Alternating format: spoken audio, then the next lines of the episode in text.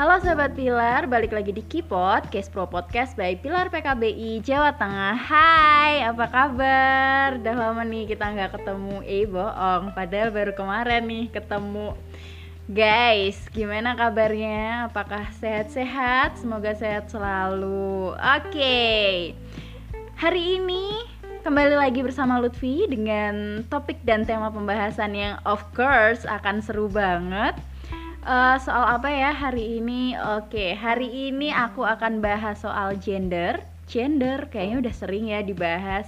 Tapi hari ini kita akan bahas soal gender yang berbeda, di mana tempatnya juga berbeda sih kayak biasanya. Tapi tentu ini akan sangat menarik dan tentu saja aku tidak sendirian karena hari ini aku ditemani oleh guru senior kita, wih. Iya guys, jadi hari ini aku ditemenin sama salah satu guru idola kita nih kita semua. Siapa lagi kalau bukan Bu Anita. Halo Bu Anita. Halo Kak Lutfi, selamat malam, selamat sore, selamat bertemu kembali nih. Senang banget nih bisa ketemu Kak Lutfi lagi. Selamat sore Bu Anita. Hari ini kan kita mau ngobrolin soal gender nih ya Bu ya. Uh, oh ya mungkin mau kenalan dulu Bu Anita ini sebenarnya dari sekolah mana supaya nanti kita juga nggak meraba-raba nih Bu gitu. Ya, oke. Perkenalkan, saya Ibu Anita Rahmi. Saya guru setara uh, di SMP Negeri 22 Semarang yang kebetulan sudah sering nih main-main ke Pilar, sudah Widih. sering nih ngobrol-ngobrol dengan uh, tim Pilar yang kece badai. Widih, Iya. aduh aku jadi tersanjung guys. Apakah aku salah satu yang kece badai ini? Oke. Iya. Jadi teman-teman SMP 20 berapa Bu tadi? 22. Aduh, maaf Bu. SMP 22 ini adalah salah satu SMP piloting dan apa Bu ya? Sekolah percontohan mungkin ya untuk setara ini. Jadi bisa dibilang untuk ya Kespro nih keren banget lah kalau dia SMP 22. Nah, salah satu pemotornya ini adalah Bu Anita, guys. Widih, nggak salah nih aku bawa guru hari ini. Nah, oke, Bu Anita sebenarnya nih kalau misalnya kita ngomongin gender, sebenarnya gender tuh kayak mana sih, Bu? Kalau misalnya pengertiannya dulu mungkin. Ya, eh, gender itu sebenarnya banyak sih orang yang ketika bicara tentang gender itu selalu terjebak antara eh, jenis kelamin. Mm-mm. Ya, jadi kalau ngomongin kitanya gender, taunya apa? Taunya jenis kelamin. gitu. Padahal sebenarnya gender sendiri itu adalah konstruksi sosial yang dibangun oleh masyarakat gitu loh. Jadi eh, apa-apa yang melekat pada anak laki-laki dan anak perempuan yang disepakati oleh lingkungan seperti itu. Jadi bukan tentang jenis kelamin tetapi lebih ke peran sosial. Sebenarnya gender itu seperti itu. Jadi beda dengan seks. Kalau seks itu memang jenis kelamin dan itu eh, sifatnya tidak bisa dipertukarkan. Hmm. Tapi kalau gender ini masih bisa dipertukarkan karena itu adalah konstruksi yang dibangun oleh masyarakat atau lingkungan. Jadi nggak eh, apa ya nggak kaku sifatnya seperti Oh itu iya, betul, harusnya betul. harusnya Iya. loh ya Hmm, harusnya hmm, oke seperti itu mbak Kak Lutfi Oke, jadi kalau misalnya bisa dibilang an- kita tuh sering ketukar antara seks dan gender. Kalau seks itu sebenarnya adalah sesuatu yang bersifat kodrat, ya di mana nggak bisa diubah lagi. Misalnya kalau perempuan menstruasi, laki-laki mimpi basah, terus habis itu kalau perempuan punya vagina, laki-laki punya penis. oke Sementara kalau misalnya hmm, gender itu kayak suatu konstruksi sosial di mana sebenarnya masih bisa dipertukarkan antara laki-laki dan perempuan. Kalau misalnya laki-laki bisa masak ya perempuan juga bisa masak gitu. ya jadi kalau gender itu lebih ke eh, macam profesi gitu sih kalau Hmm. jadi apa-apa yang bisa apa ya peran sosial lah apa yang bisa dilakukan oleh laki-laki dan perempuan secara bersama dalam Ya. artian eh, misalkan nih kaitannya dengan profesi nih. Mm-mm. laki-laki bisa jadi guru perempuan juga bisa. Laki-laki bisa jadi dokter perempuan juga bisa seperti itu. Bahkan eh, sudah sudah bukan hal yang aneh lagi gitu loh ketika ada buruh bangunan yang berjenis kelamin perempuan gitu. Mhm. ternyata perempuan-perempuan itu juga juga cukup punya eh, tenaga untuk bisa bekerja secara fisik seperti itu.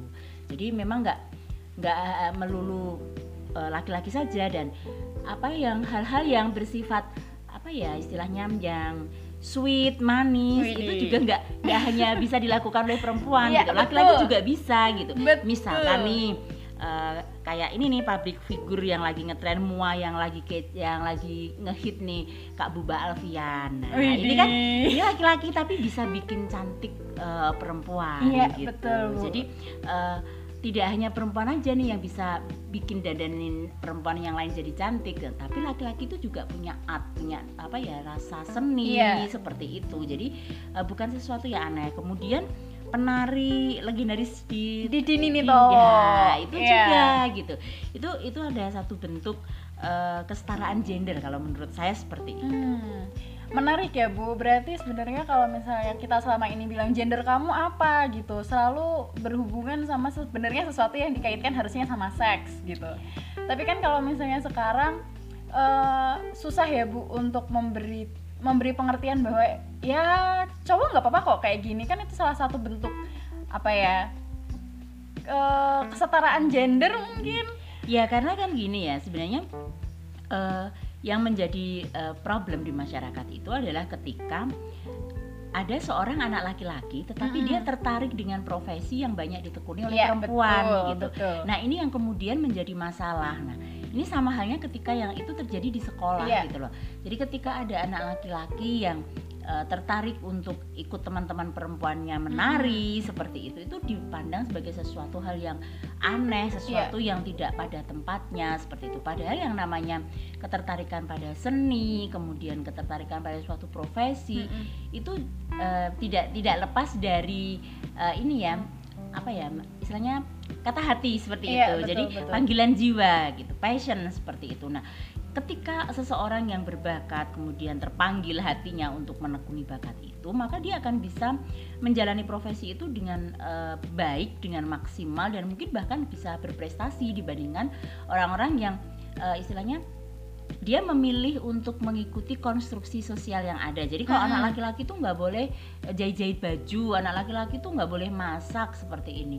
Eh, padahal ketika ketika dia tertarik dan dia bisa dia melakukan itu dengan baik, itu dia bisa dapat eh, istilahnya apa ya job gitu, Iya. job yang luar biasa yang bahkan Hmm. orang juga sampai wah keren ya ternyata profesi seperti itu penghasilannya dan sebagainya. Tetapi proses menuju dia bisa sampai ke sana itu ternyata berdarah-darah dalam artian dia harus harus Iya, menentang betul. konstruksi sosial yang ada gitu dan dan ini memang menjadi tanggung jawab di sekolah menurut saya gitu bagi kami yang eh, sudah mengimplementasikan PKRS secara komprehensif ya bahwasannya menyadari bahwa keberbakatan anak, ketertarikan anak itu memang perlu mendapat ruang yang sama, yang setara gitu. Jadi nggak nggak melulu ketika ada anak laki-laki yang men- eh, pengen ikut menari nggak boleh gitu. Kan nggak seperti itu gitu. Jadi kita beri ruang karena kita nggak pernah tahu eh, takdir seseorang Iya, itu betul. eh, destininya di mana dia itu akan terpanggil jiwanya untuk menjadi apa. Dan kita sebagai guru itu prosesnya mendampingi mengarahkan mensupport gitu. Supaya Hmm. dia itu juga juga mendapat penguatan secara mental. Karena memang tidak mudah ketika harus menjalani suatu apa ya mungkin menekuni sebuah profesi atau bakat yang ternyata itu tidak bisa diterima oleh lingkungan Iya, ternyata dukungan dari lingkungan sekolah itu penting juga ya Bu untuk menentukan masa depan seseorang, seorang murid terutama ya. Tapi eh, aku pernah nih Bu, ada salah satu komik online yang aku lagi rajin baca nih Bu. Di situ ada cowok, dia tuh eh, mungkin bisa dibilang karena mukanya berjerawat, terus habis itu nggak terawat gitu kan. Dia tuh akhirnya menekuni seni make up gitu. Seni make up di mana dari sana tuh muka dia jadi berubah total bu kalau misalnya di make up jadi ganteng banget gitu dan ternyata dari make up itu dia jadi beauty influencer dan ya otomatis pundi-pundi uang terkumpul dari sana gitu kan. Tapi ternyata eh, meskipun dia udah kaya udah ganteng gitu ya bu ya. Tapi ternyata dia itu memiliki sifat yang jelek bisa dikatakan buruk gitu. Karena ternyata selama ini ketika dia belajar make up dari keluarga tuh mengatakan kenapa sih cowok kayak gitu gini harus gitu lah kamu tuh cowok loh ini itu lah gitu. Dan sebenarnya ketika dia jadi kayak marah-marah ke orang yang berusaha ngedeketin dia itu sebenarnya itu adalah defense mekanismenya dia supaya don't hurt me jangan menyakiti aku gitu. Nah apakah itu pernah terjadi di lingkungan sekolah di mana ada fenomena-fenomena di mana ada murid nih Bu kira-kira pengen aku pengen kok melakukan hobi tertentu yang kira-kira misalnya nih cowok boleh gitu. Sementara aku cewek tapi ternyata dia kayak boleh nggak ya boleh nggak ya gitu ada nggak sih Bu?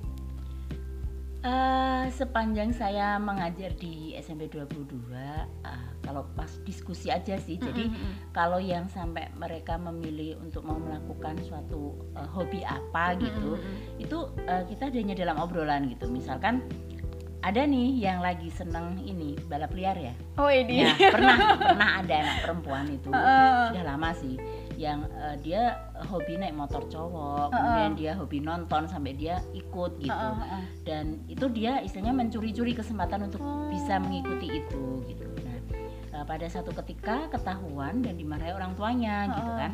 Nah, di sini uh, dia merasa merasa apa ya dia ingin berontak gitu oh. ingin berontak. Kenapa kok kok nggak boleh? Uh -huh. kenapa kok nggak boleh? Sedangkan uh, saya menikmati itu dan saya bisa istilahnya apa ya mendapatkan uh, kepuasan dari dari hobi itu gitu. Nah dari sini sebenarnya yang yang saya lakukan pada saat itu adalah uh, meyakinkan dia bahwa yang pertama yang namanya balap liar itu kan menyalahi aturan hukum nih yeah. gitu. jadi kita kembalikan dulu ke ke sana gitu supaya dia juga paham orang tua melarang mungkin karena dia tidak melakukan sesuai prosedur yeah. itu yang pertama jadi uh, memberikan pemahaman tentang sesuatu yang benar dulu supaya hmm. nanti dia tidak salah arah ketika dia akan melakukan suatu profesi yang menurut dia itu baik, menurut dia itu menyenangkan gitu dan itu sesuai dengan passionnya dia. Hmm. Jadi uh, koridornya kalau di sekolah itu ya menempatkan uh, ini istilahnya uh, pedoman untuk melakukan hal-hal yang positif seperti hmm. itu. Jadi lebih lebih rambu-rambunya ke sana.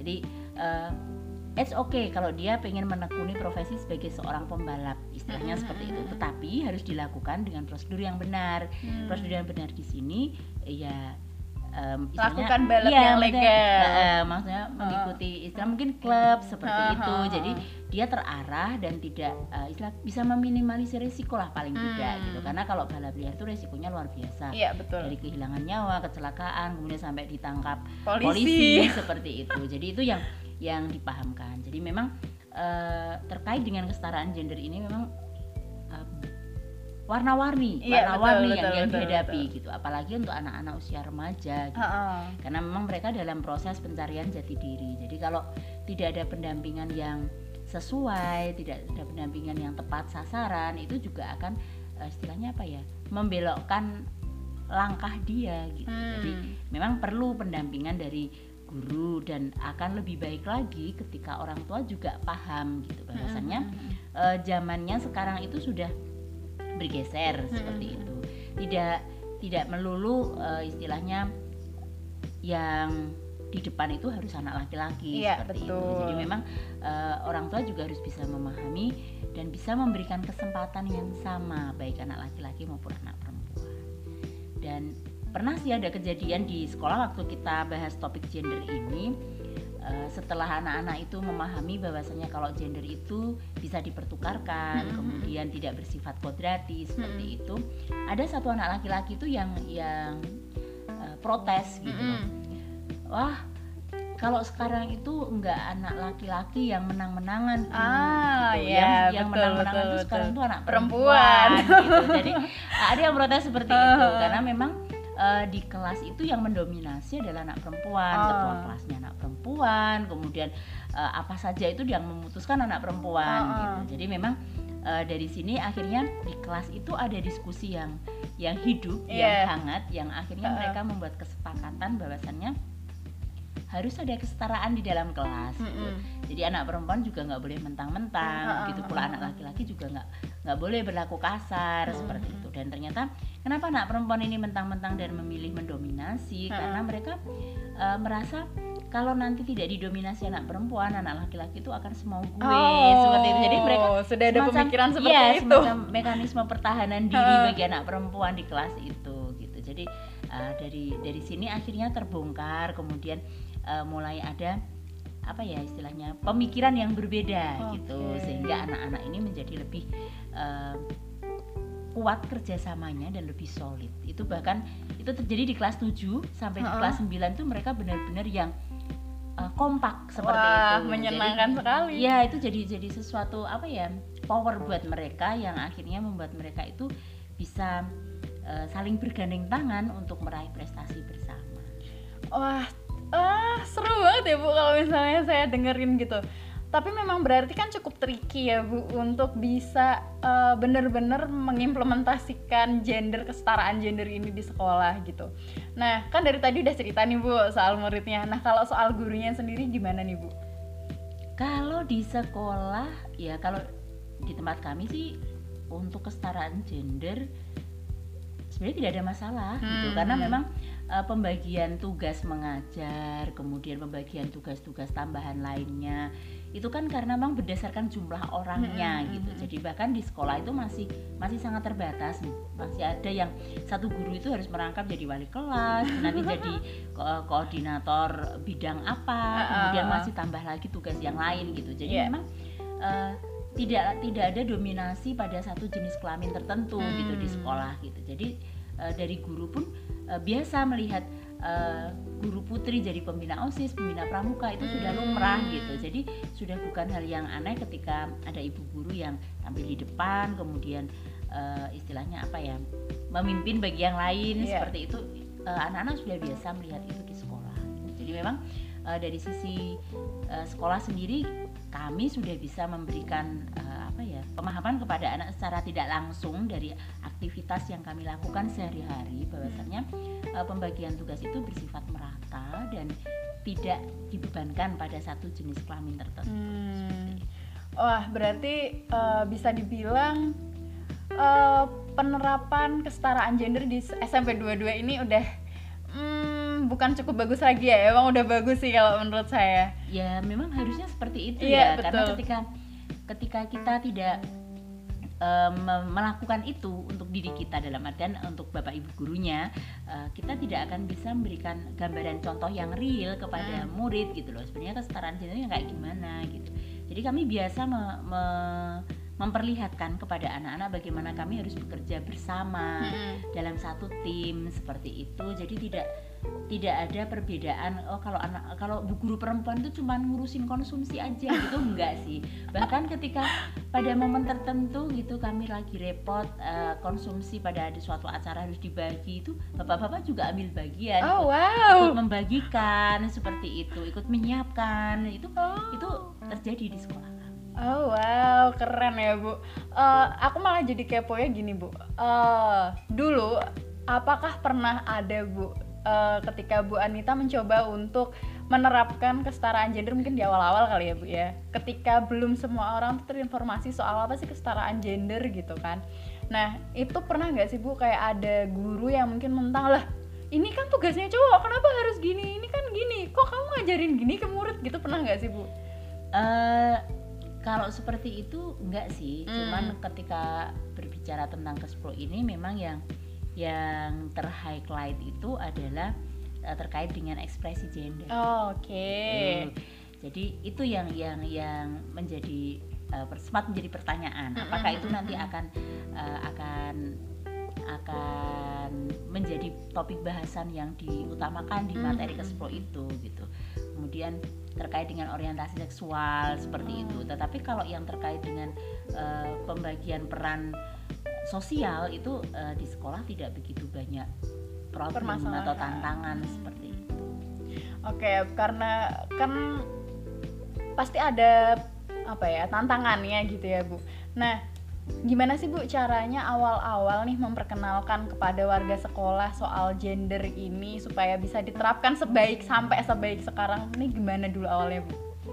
Eh, yang yang pasti gini sih. Sebenarnya kalau di di SMP 22 itu nggak begitu banyak banyak tantangan yang berarti Hmm, menurut hmm, saya gitu. Karena memang eh, secara tidak langsung eh, karena jumlah jumlah orangnya jumlah antara guru laki-laki dan guru perempuan itu hampir lebih banyak perempuannya waktu saya masih Hmm. awal-awal dulu gitu jadi memang eh, kita banyak banyak eh, bekerja sama istilahnya dengan jumlah pembagian tugas yang sama seperti itu sehingga yang agak agak seru itu ketika mulai ini anak-anak uh, terkait dengan pemilihan ketua kelas, Oh, pemilihan oke. ketua OSIS gitu ya. Mm-mm. Jadi pembentukan organisasi seperti itu karena memang uh, entah mengapa akhir-akhir ini itu lebih banyak anak perempuan yang tampil seperti Hmm. itu dan uh, itu membuat beberapa anak laki-laki mungkin agak sedikit ngeper. Minder mungkin ya, Bu, seperti ya. itu. Nah itu yang yang justru menjadi tantangan bagi kami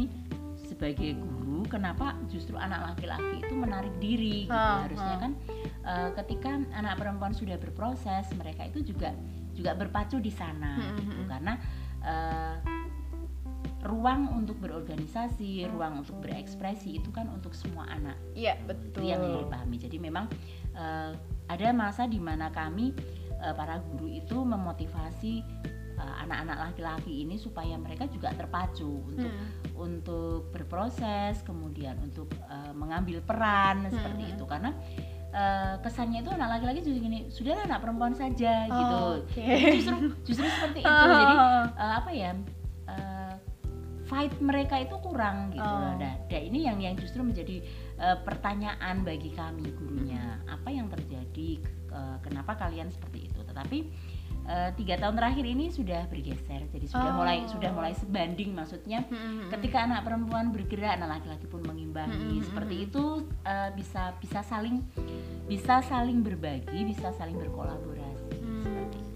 Iya mungkin ya Bu. Eh, sampai saya tuh dulu sering denger ada kata-kata gini. Ketuanya harus cowok, terus habis itu wakilnya cewek, sekretarisnya cowok, sekretarisnya nanti cewek, bendahara cewek. Karena kan bendahara yang ini itu bla bla bla bla.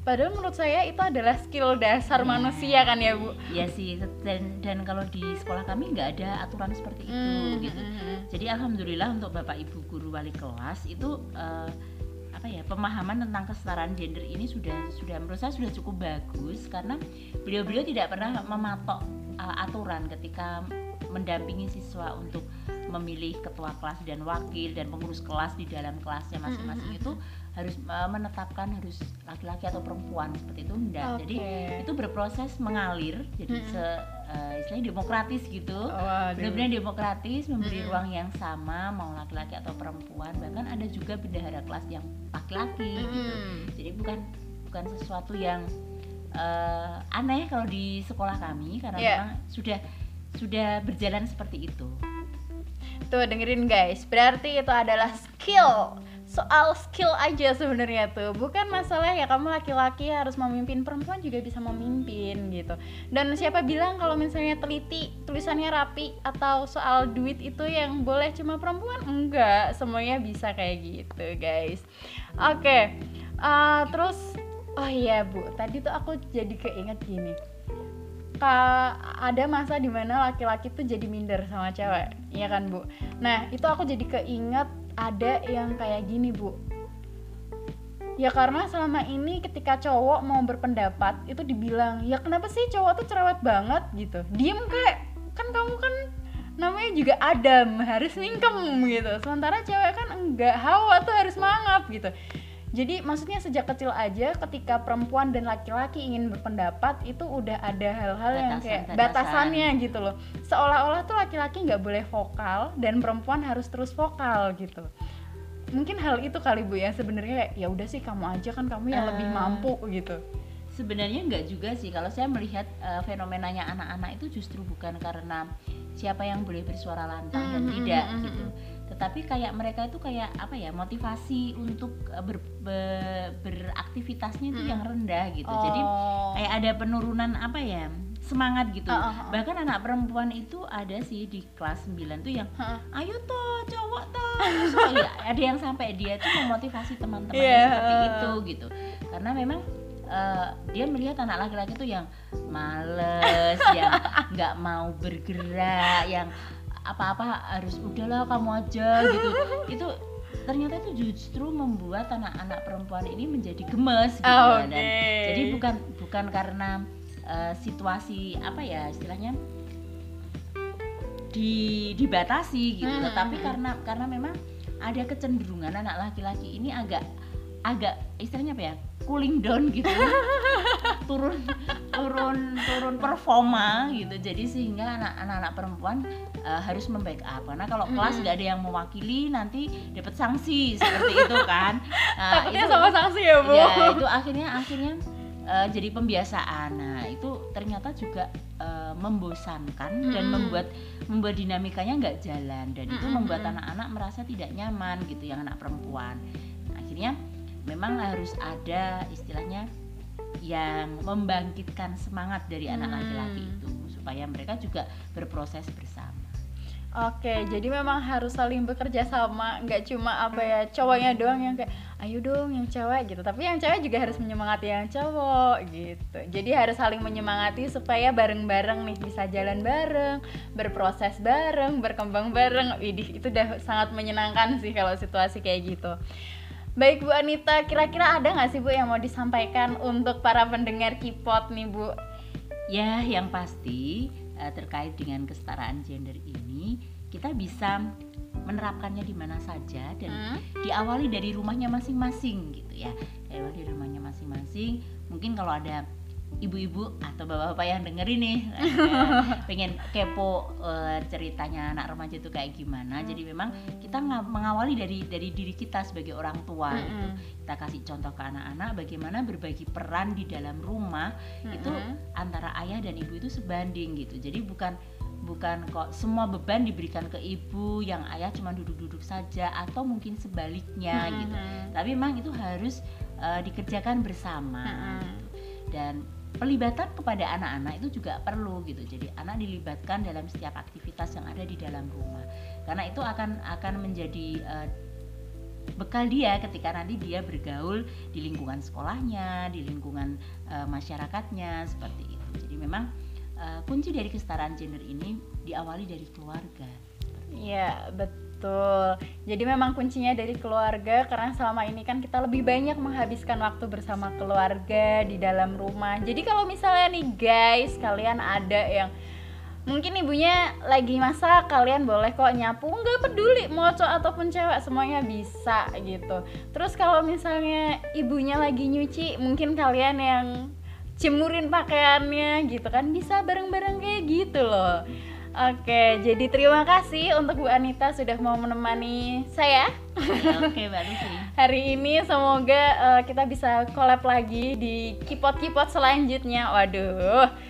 Uh, semoga teman-teman juga mendapatkan informasi yang baik dari podcast kali ini dan kita minta maaf kalau misalnya ada kesalahan dalam bertutur kata. Semoga nggak ada yang sakit hati sakit hatian ya mendengarkan kipot ini. Karena saya rasa dari awal sampai akhir tuh semuanya bermanfaat gitu. Ini. Oke terima kasih. Dan sampai ketemu lagi. Dadah